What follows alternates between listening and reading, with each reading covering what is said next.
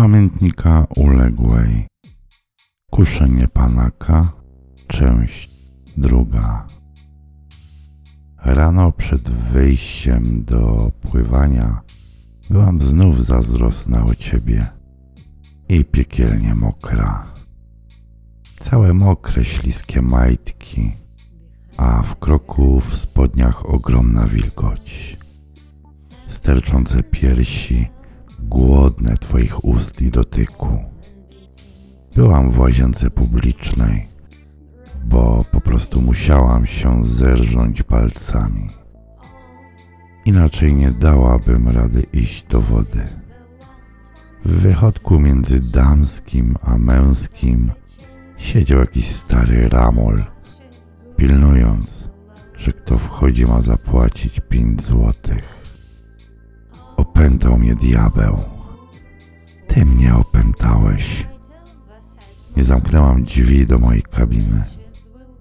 Wybrałam tę najbliżej drzwi. Ściągnęłam piankę i majtki, ale wyjęłam z nich jedną nogę. Tą właśnie oparłam szeroko na toalecie. Czułam się dzika i wolna. Stałam rozkraczona i mokra. Weszły od razu trzy palce. Gdy pieprzyłam się palcami w rozkroku, zdjęłam biustonosz i przytuliłam się do zimnej ściany kafli. Usłyszałam, że facet od kibli podchodzi i zerka. Otworzyłam szerzej drzwi, ale one, ponieważ były krzywe, to się przymknęły. Kazałam mu otworzyć, tak, żeby mnie widział, ale spłoszyłam tego idiotę. On czmychnął w kąt jak głupi królik. Nie stał cały czas obok.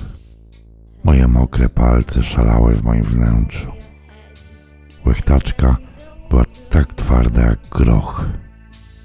Każdy dotyk, każde uderzenie w nią wywoływało spazmę moich jęków.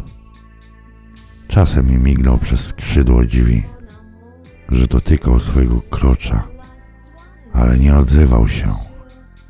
Nie zamierzałam być cicho czy się ukrywać. Doszłam bardzo głośno krzycząc. Mocny, głęboki orgazm. Wylizałam każdy palec. Było mi mało, bo chciałam mieć tę wilgoć na sobie.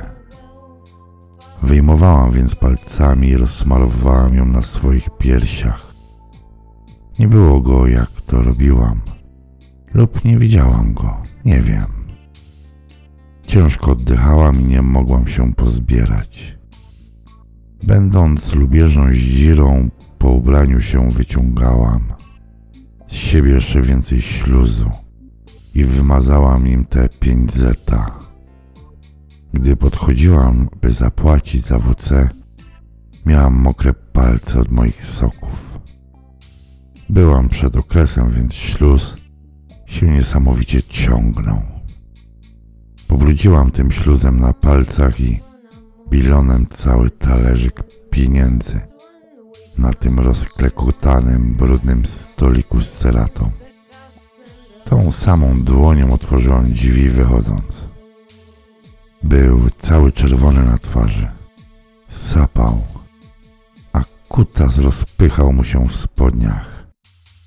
Gdyby mnie nie wołali, że co tak długo robią, to bym temu staruchowi bezzębnemu obciągnęła ręką.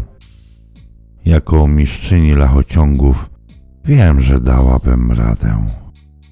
Na pewno był czerwony i siny, a jaja pełne mleka.